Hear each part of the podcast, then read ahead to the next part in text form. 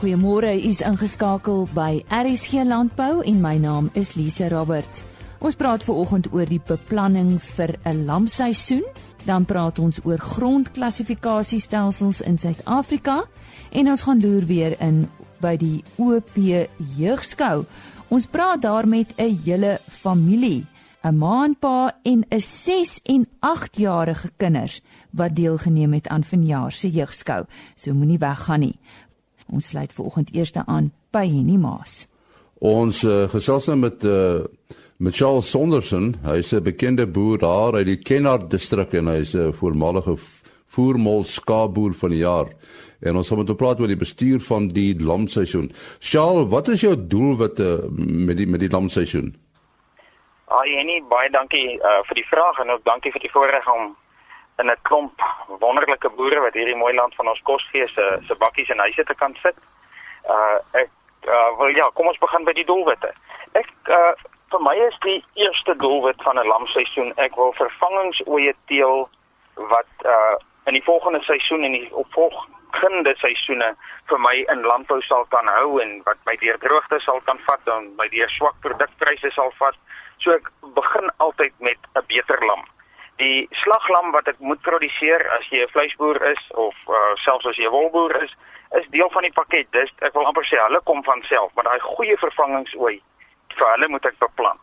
Nou uh, wat ek maar by my doen en ek dink elke plaas het sy eie ritme en daarmee bedoel ek bloot jy weet uh, uh, by my in die Kenner distrik is 'n 10 maande lam interval uh, dalk perfek, maar vir ou wat op aangeplante weidings en in beter voeding uh, boer, is 'n 8 maande stelsel. So wat die stelsel ook al is, uh, maak dan nie regtig vir my so saak nie. Elke boer moet maar met die ras wat geboer en en die stelsel waarna hy is, daardie uh, uh kriteria vir homself aanpas en sy eie plaas se ritme vind. Maar wat vir my werk is ek gaan en ek sê ek soek 'n uh, vervangingsoetjie wat kom uit 'n ooi uit wat haar eerste lam op sê 500 dae maksimum gespeen het. So haar ma het op 10 maande ram gekry en sy die ma het op 15 maande gelam. So dit was 'n perfekte situasie. Ek soek sulke ooe.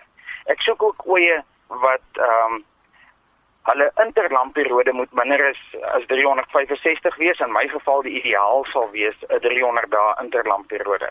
So as sy op 5 maande lammetjie gehad het, dan het sy op 3 3 maande speenekaal lam en dan na nog 2 maande herstelperiode dan parika weer. Maar weer eens dit kan vir elke ander ou verskil. So ek wil graag ooe hê wat gereeld lam en ek wil hê hulle moet al jonk begin produseer. Dis die die soort dier wat ek wil hê. Nou om dit te verkry, moet ek mos nou uh so 'n bietjie ekstra werk doen. Die Engelse het 'n sê ding uh the only difference between ordinary and extraordinary is that little extra. So ek moet ekstra werk doen om daai oeye geïdentifiseer te kry. Nou hoe ek dit doen as my oeye begin lam nou ek maak van baie kort lamseisoene 42 dae lamseisoene gebruik uh, in Kenhardt is dit nou kort. Dit is 'n aangeplante weidings dalk weer lank. Maar ek gebruik 42 dae en wat ek dan bloot doen ek jaag my oeye in die kraal vanmiddag laat en ek haal sit die lammetjies hier eenkant en dan uh, haal ek al die lammers uit waarvan ek nie hou nie dis nou hulle groei sleg, dis klein, hulle is verpot of wat my ook al plan daai lammetjies. En ek smeer hulle koppe almal 'n merkverf. Uh die mense verkoop sulke halters wat jy in die ramme sit wat die oeye merk. Ek gebruik sommer daai selfe goed of jy kan Vaseline en jou kind se uh hierdie verf wat die kinders mee in die kindertuin speel. Daai goed gebruik hoe jy dit ook al wil doen en ek smeer daai lamme se koppertjies almal rooi en ek jaal dit terug tussen die oeye in. Môreoggend as ek die oeye begin werk, dan is daar 'n klomp oeye met bloedrooi eiers soos daai lammetjies hulle ma se eierskuil gesmeer het. En dan haal ek daai oeye uit en sê dit is die oeye wat nie vir my teel wat ek wil hê nie. Dis nie hulle vervangingsoeye wil ek nie hê nie. Nou hierdie ander wat ek dan wil hê, ek sit by hulle die soort ramme wat ek wil hê. Nou wat ek nou maar doen, ek gaan uh selekteer my ramme uit die stoet uit uh wat kom uit oeye uit wat minder as 300 dae of dan nou 300 dae interlamperiode ongeveer het en wat se maas vroeg gelam het wat swaar lammer speel. So jy moet mos nou uitgebreek nou uh stamboek en uh, logics en dit goed vir uh vir die prestasiemeting en so aan. En jy gebruik dan ramme wat sulke oeye vir jou kan deel ek sit hulle by hierdie goeie oeye wat ek wil hê en my vervangingsoeye kom dan net uit daai trop uit nou hierdie trop hoe berei ek hulle voor ek maak seker as ek ek begin eintlik baie vroeg voorberei. As die oeye begin lam, begin ek voorberei vir die volgende lamseisoen.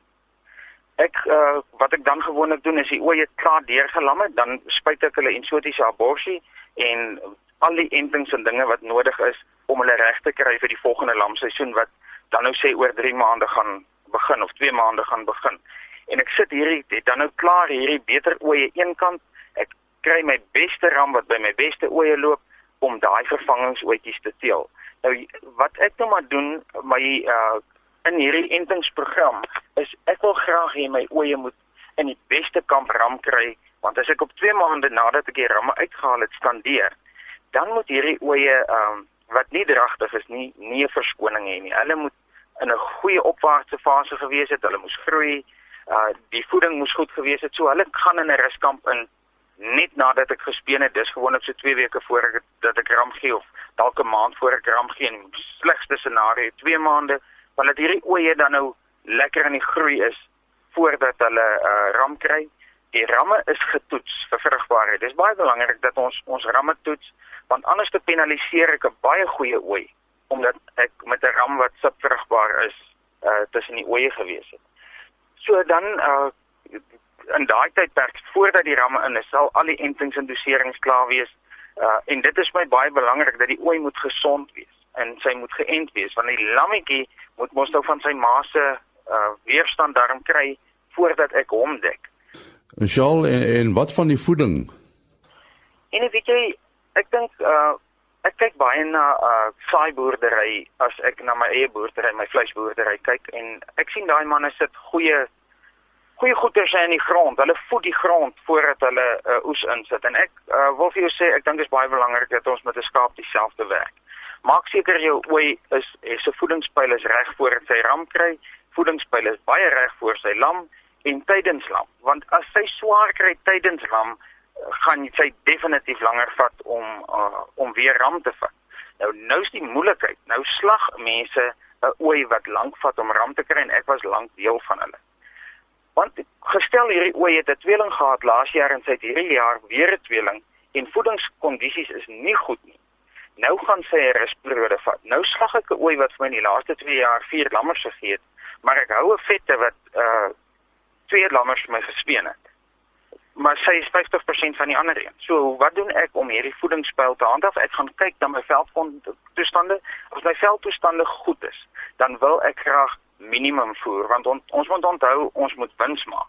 So ek wil graag my voeding so so minimum as moontlik hê. So ek gaan die oeye help altyd met 'n goeie produk. 'n uh, Goeie kwaliteit voeding uh en ek dan help ek die ooi om op 'n goeie voedingsbasis te wees tydens ehm um, uh my dekseisoen dat die hulle in die ramme moet hulle moet kan werk. Dan in middragtigheid sal ek 'n bietjie minder kos gee. As as die veld goed is, sal ek geen kos gee nie. 2 weke voor lam uh is dan groei daai fetus baie vinnig.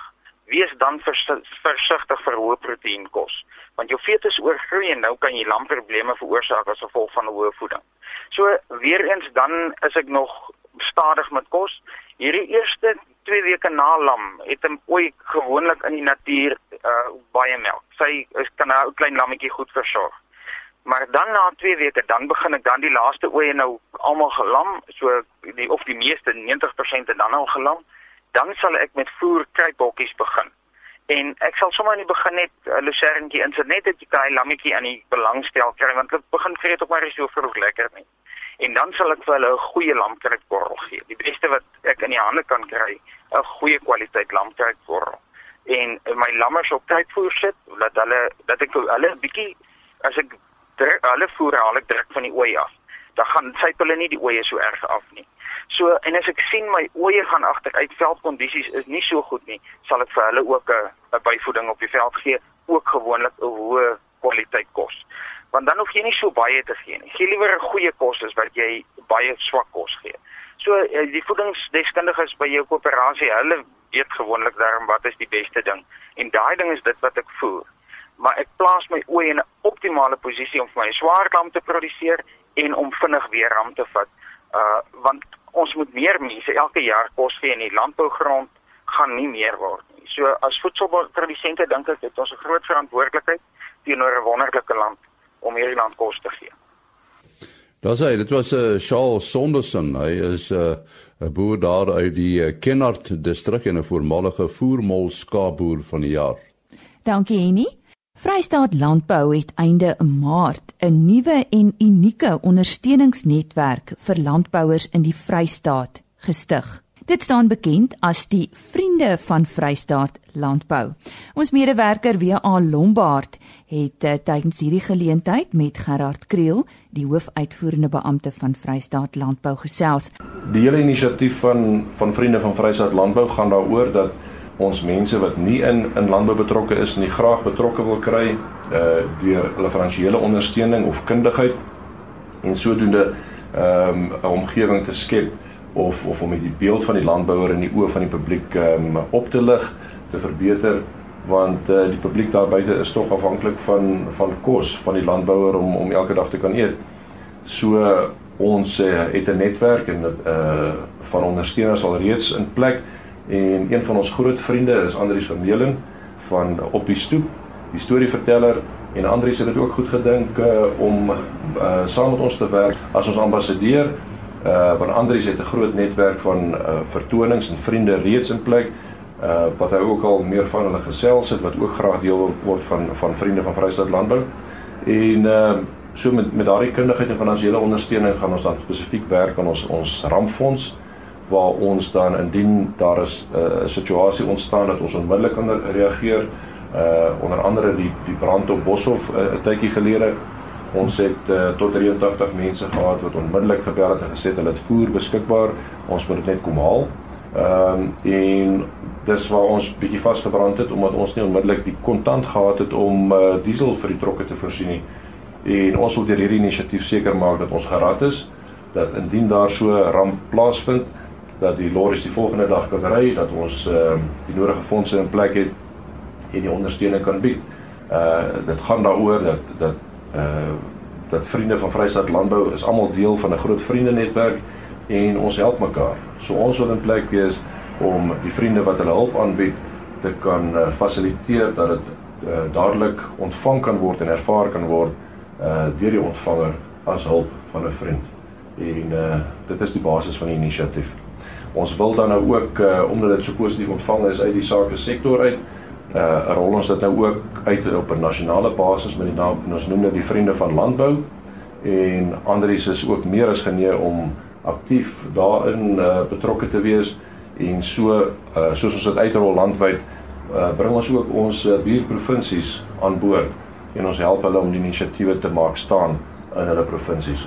Dit was aan die hoofuitvoerende beampte van Vrystaat Landbou Gerard Kriel.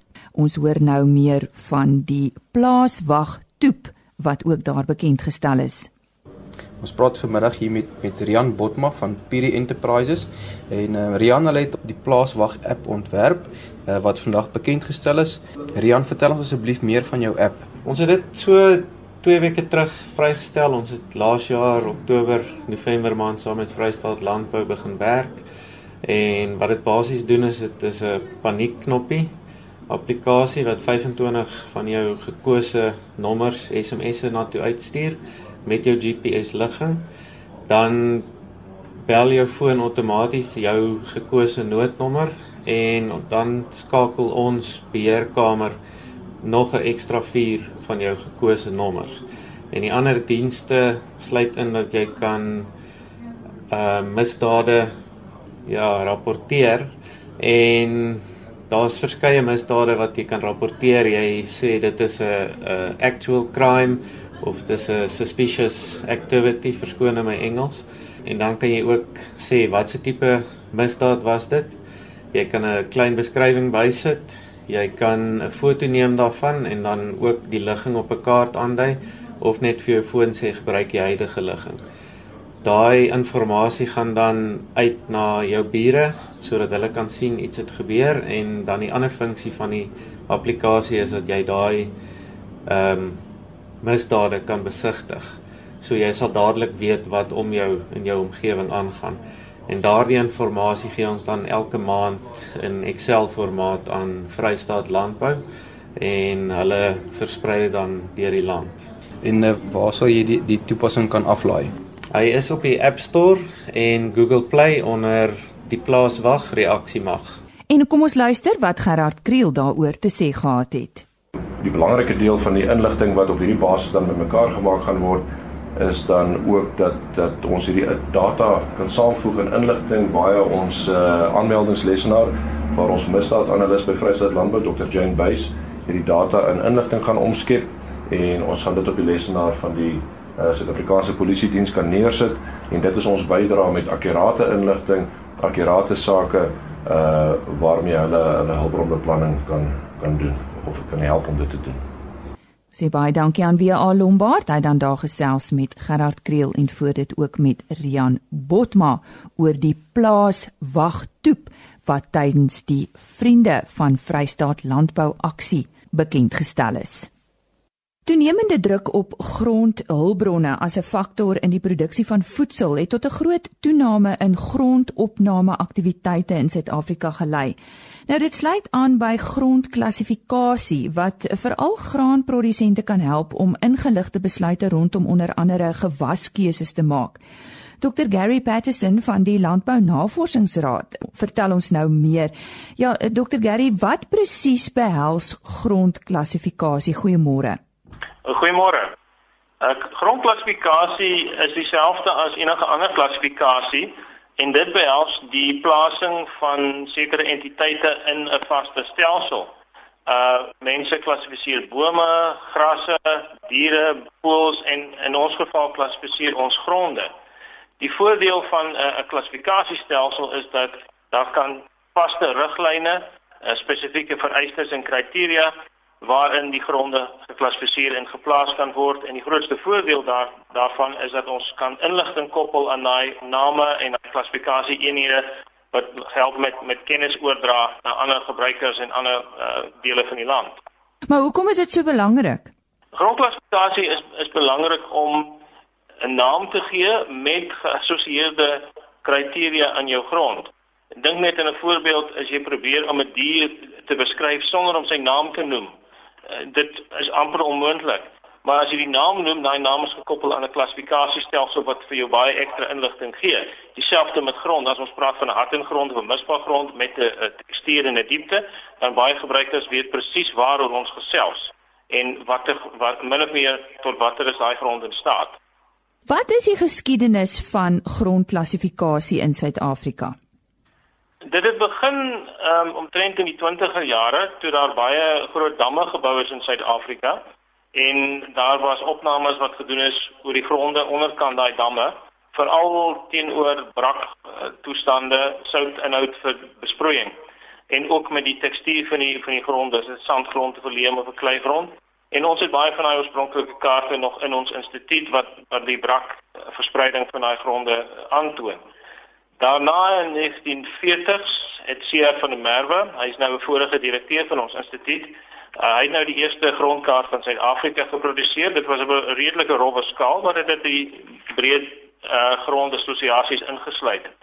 Die grootste uh, impetus is die twee opnames in die 50er en 60er jare op die suikerlande en die Tugela opvanggebied. En in daai opnames het hulle nou agtergekom van die konsep van 'n uh, klassifikasiestelsel en vaste vorms en series wat die uh individuele grond eenhede soil bodies soos wat dit genoem het sou uh, sou verteenwoordig weer eens om inligting oor te dra. En dan die die landtipe opname wat ons begin het in die 70e jare toe ons dan begin het om die hele land se gronde te karteer, het nou die die laaste ehm um, uh, inligtingsdeel bygedra tot die eerste klassifikasiestelsel wat uitgekom het. Maar hoekom het Suid-Afrika sy eie klassifikasiestelsel ontwerp? Die die mense wat besig was met grondklassifikasie destyds het gekyk na die ander stelsels en dit was hoofsaaklik die Amerikaanse stelsel USDA 1 en die ander een wat die FAO gedoen is wat nou WRB is en hulle het gevind daar's heelwat gronde, wel, die eerste rede nie een van daai stelsels was baie baie gebruikersvriendelik nie. Dit baie kennis uh, gekos om om daai stelsel te gebruik en dit het ook nie al die gronde wat in Suid-Afrika voorgekom het gekommendeer. So die besluit was geneem om ons eie stelsel te gebruik spesifiek vir ons gronde maar ook om 'n gebruikersvriendelike stelsel te maak wat wat tot die tot die grootste meerderheid grondgebruikers uh geskikbaar sal wees. En en waar staan ons nou hiermee? Wel ons het ons het die twee vorige weergawe van die klassifikasiestelsel, die bekende rooi boek was die eerste een in 1977. Dit was die sogenaamde binomiese stelsel. En dan in 1991 het die blou boek uitgekom. Dit was die taksonomiese stelsel, die tweede weergawe. Uh albei van daai is wyd gebruik in Suid-Afrika, maar intussen het ons nou ekstra inligting bygekry, uh nuwe databases opgebou en en uh toegang tot oorseese neigings en en inligting oor grondklassifikasie en dit was besluit om 'n nuwe stelsel uh, hersiene, skuis, 'n hersiene weergawe van die stelsel te ontwerp en dis nou ons derde weergawe wat wat tans voorberei word. Nou ons gesels met Dr Gary Patterson van die Landbou Navorsingsraad oor grondklassifikasie in Suid-Afrika en hoe dit graanprodusente kan help om ingeligte besluite te maak. Verduidelik vir ons hoekom daar 'n nuwe weergawe grondklassifikasiestelsel is wat binnekort sal verskyn. Die grootste rede is dat ons het intussen van die tyd dat die die tweede weergawe uitgekom het, daar's heelwat nuwe inligting wat bygekom het. Uh, ons het die landtipe opname van Suid-Afrika voltooi wat beteken ons het tot elke hoek van die land gereis om om gronde te klassifiseer. So daar daar nou uh, grondinligting ingekom en kennis opgebou van al daai gronde. Ons het ook ehm um, leemtes in die in die vorige stelsel gekry waar nie elke grond tot sy maksimum geakkommodeer kon word. So dit was besluit deur die grondklassifikasie werksgroep. Dit is nou 'n groep mense wat wat ehm uh, afgestel is deur die grondklassifikasie uh, uh, grondkundevereniging van Suid-Afrika om grondklassifikasie te hanteer. Die werksgroep het besluit dan moet gewerk word aan 'n nuwe stelsel. Wat is anders nou aan hierdie weergawe? Die eerste ding wat ons moet beklemtoon, die basiese eenheid van die klassifikasie, die grondvorm en die grondfamilie bly dieselfde. So is nie 'n nuwe stelsel wat iemand almal van scratch af moet leer. Dit is net 'n uitbreiding en die in die beginsels bly dieselfde. Uh weens die nuwe die groter aantal kombinasies van grondhorisonte is dan nou 135 grondvorms in plaas van die vorige, ek dink dit is 78. So daar's daar's meer grondvorms, maar die die die stelsel bly dieselfde in beginsel. Die twee grootste veranderings is die feit dat ons heel in die begin ons skei die mensgemaakte gronde, sogenaamde anthrosols, van ons natuurlike gronde om besoedeling en ander gronde wat geaffekteer is deur die mensaktiwiteite te skei. Die natuurlike gronde dan is is waar die meeste van die landbougronde sal gekommendeer word. En die grootste verskil hier is die geleentheid om onder die grondprofiel, die tradisionele grondprofiel van om by 1.5 meter, ons kan ander diagnostiese horisonte inbring in die inligtingsoordragfase om aspekte soos waterbeweging onder die wortelsone en ander eh, tekstuurverskille en lae in die grond te akkommodeer want dit is baie belangrik vir opbrengste in baie gevalle. En voorheen kon ons dit nie doen nie of dit was moeiliker, maar nou jou diagnostiese horisonte wat wat binne die stelsel gedefinieer word, kan op enige plek in die grondprofiel ingesit word en dit kan so gebruik word. En dit sal baie inligting beter inligting kan oordra vir al vir opbrengste en moontlike opbrengste as gevolg van die waterbeweging in die in die in die wortelsone. Ons het ook ekstra horisonte gedefinieer. Daar's nou 'n nuwe veenhorison om jou hoë koolstofgronde te akkommodeer. Uh, daar's 'n nuwe glei horison, dis nou 'n watergeaffekteerde horison met struktuur, 'n glei wat ons nou gedefinieer het. En ons het nou veranderings gemaak in baie van die horisonte om hulle beter te definieer en beter ekstra keuses te gee. Byvoorbeeld jou gewone ortiese horison het nou 'n uh, verbleikte uh, variant, uh, 'n kromiese of 'n normale kleur variant en 'n donker variant uh, om om daai bietjie ekstra inligting oor te dra. Ons het ook ander uh, inligting ingebring soos in jou pedipitaniese horisonte, ekstra kleur oor die verskriklike erodeerbare rooi pers moddersteen strukture gronde in die Oos-Kaap wat wat baie ero erosie veroorsaak. En onder jou dis 'n nuwe gypsy horison vir jou gipsiese gronde in die Wes-Kaap en so aan. So daar's baie nuwe horisonte wat ingebring het en ons het die definisies dwars deur die stelsel opgeskerp om seker te maak dat waar ons waar moontlik al die gronde wel geakkommodeer kan word. En wat hou die toekoms nou in? Ek dink die toekoms is is is is baie goed wat klassifikasie betref. Meestal as gevolg van die feit dat baie van die gronde word nou in databasisse opgeneem, na grondinligting, jou fisiese beskrywingsinligting en jou ontledingsinligting. En hier by ons instituut het ons 'n database van uh oor die 12000 grondprofiele dwars deur Suid-Afrika en ons kan daai inligting gebruik wat aan 'n vaste stelsel gekoppel is wat klassifikasie betref om uh, kaarte te maak van grondeienskappe. Dit kan gebruik word om om inligting oor te dra, om om navorsing te help. En elke keer as ons nuwe inligting inkry van plekke in Suid-Afrika, word dit in die database ingesit en die database word groter en word word uitgebou. uitgebou. En dit kan help vir studente, dit kan help vir landgebruikers, dit kan help vir beplanners as ook die die boere op die grond want ons ons het heelwat inligting en ons is nog steeds besig om inligting in te samel. So waar kan ons se produsente of luisteraars die nuutste weergawe bekom? Die nuwe weergawe word uh, tans voorberei vir druk. Ons verwag dat hy binne die volgende 2 na 3 weke gedruk sal sal word. Ehm uh, hy sal bekom word by ons instituut, dis die Instituut vir Grond, Klimaat en Water by die Landbou Navorsingsraad. Ons is hier in Pretoria en dis Pretoria 012 310 2500. Herhaal net vir ons daai nommer.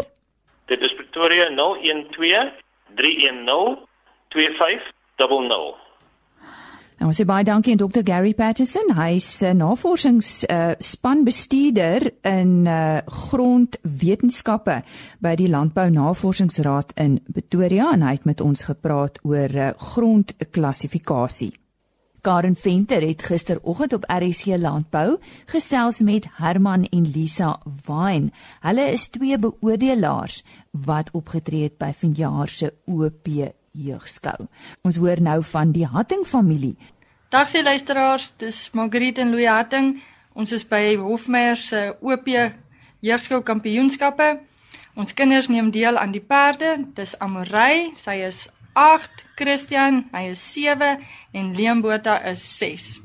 Ek en my vrou was op die skoukomitee en so het ons betrokke geraak by die jeugskou. Dit was voor ons kinders gehad het en so het ons kinders betrokke geraak by die jeugskou soos hulle nou deelneem. Amorey sê sy is 8 jaar oud en sy is nie bang om met 'n perd te werk nie. Dit is lekker om perd te ry en ek is lief vir perde. Dit is lekker om hulle mooi te maak en te kom en lekker om vir hulle mense te wys.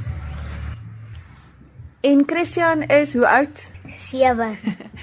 en jy werk ook met perde, nê? Nee? Ja. Is dit vir jou lekker? Hoekom? Dis lekker om vir mense te wys wat die perde kan doen. En hoe was die kompetisie vandag gewees? Lekker, lekker. Christian se miniatuurperdjie, haar naam is Becky, sy is 3 jaar oud. Hy is baie lief vir haar. Hulle speel baie by die huis. Um, by die jeugskou moet hulle haar was mooi uh, skoon. Dan wanneer die perdjie mooi skoon is, gaan vertoon hy haar by die skouman. Dit is waar hy vir al die mense wys waar hy met haar stap en draf, mooi omdraai en waar sy goed na hom luister met die bevele wat hy vir haar gee. Ja, mamma en Becky het so baie mooi saam met my gedraf. Amorey het saam met Christian geskou, waar hy met 'n miniatuurperd skou, skou sy met 'n Basutopoon. Mary is 30 jaar oud die prosedure is min of meer of is dieselfde as wat dit met die miniatuurperdjies is. En ja, ek dink dit het baie goed gegaan vandag. Julle sal seker wonder waarom ons ons kinders laat deelneem. Maar dit gebeur of dit begin maande voor die tyd. Ons kinders moet self die perde was, self hulle leer, self hulle voorberei. Pappa en mamma doen dit nie vir hulle nie. Hulle moet self leer hoe dit werk. En dit leer 'n kind baie goeie verantwoordelikheid as ek dit so kan noem. Want ek meen as jy met 'n dier kan werk en jy met 'n mens ook werk en dit leer hulle hoe om dit te doen. Drie van ons kinders neem tans deel. Dis lekker as 'n gesamentlike familiesport. Ons oefen almal saam, gaan saam skou toe, lag en gesels lekker, kuier lekker by die skou en vanaand gesels ons lekker wat ons als gedoen het hier by die skou. Dan nie al die doktertjies moet ook kom. Dis baie lekker. Dis baie lekker. Nou ja, maats, daar het julle nou gehoor. Ons kan amper sê uit die perd se bek en laat ons al hoe meer meisiekinders saam met die seentjies sien deelneem. Ja, dit was 'n hele familie wat deelgeneem het aan vanjaar se jeugskou. Louis en Marguerite Hatting met hulle twee kinders, Christian en Amorey. En dit was natuurlik die OP Jeugskou by Hofmeyer. Onthou môreoggend net na 05:30 weer in te skakel vir nog landbou nuus en sake. Tot môre dan, totsiens. RSG Landbou is 'n produksie van Plaas Media. Produksieregisseur Henny Maas Aanbieding Lisa Roberts. en inhoudskoördineerder Jolandi Root.